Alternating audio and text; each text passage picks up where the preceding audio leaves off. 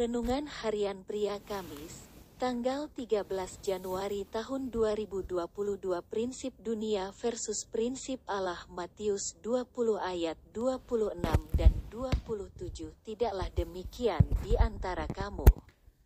Barang siapa ingin menjadi besar di antara kamu, hendaklah ia menjadi pelayanmu, dan barang siapa ingin menjadi terkemuka di antara kamu, hendaklah ia menjadi hambamu. Pada suatu kali datanglah Yakobus dan Yohanes beserta ibunya kepada Yesus.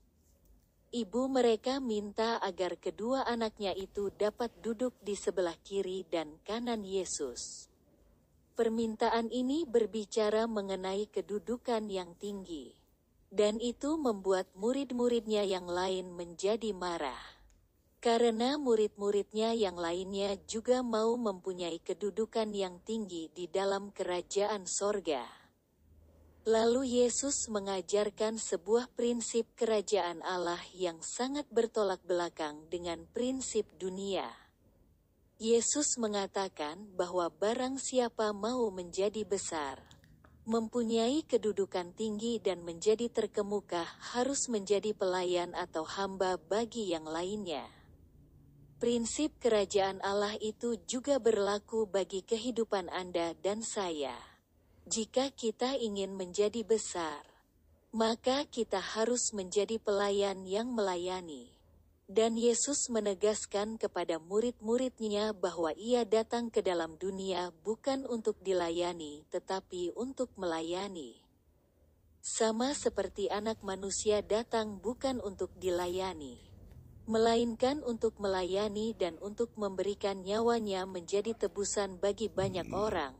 Matius 20 ayat 28 Marilah kita praktekkan gaya hidup Yesus yang melayani dan bukan dilayani.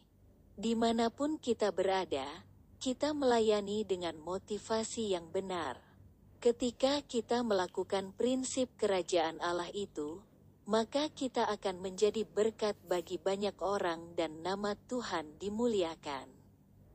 Refleksi diri, apa yang firman Tuhan katakan kepada Anda? Bagaimana kehidupan Anda dengan firman Tuhan itu? Catat komitmen Anda terhadap firman Tuhan itu.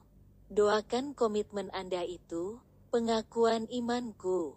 Sama seperti Kristus melayani sesama demikian juga saya melayani sesama.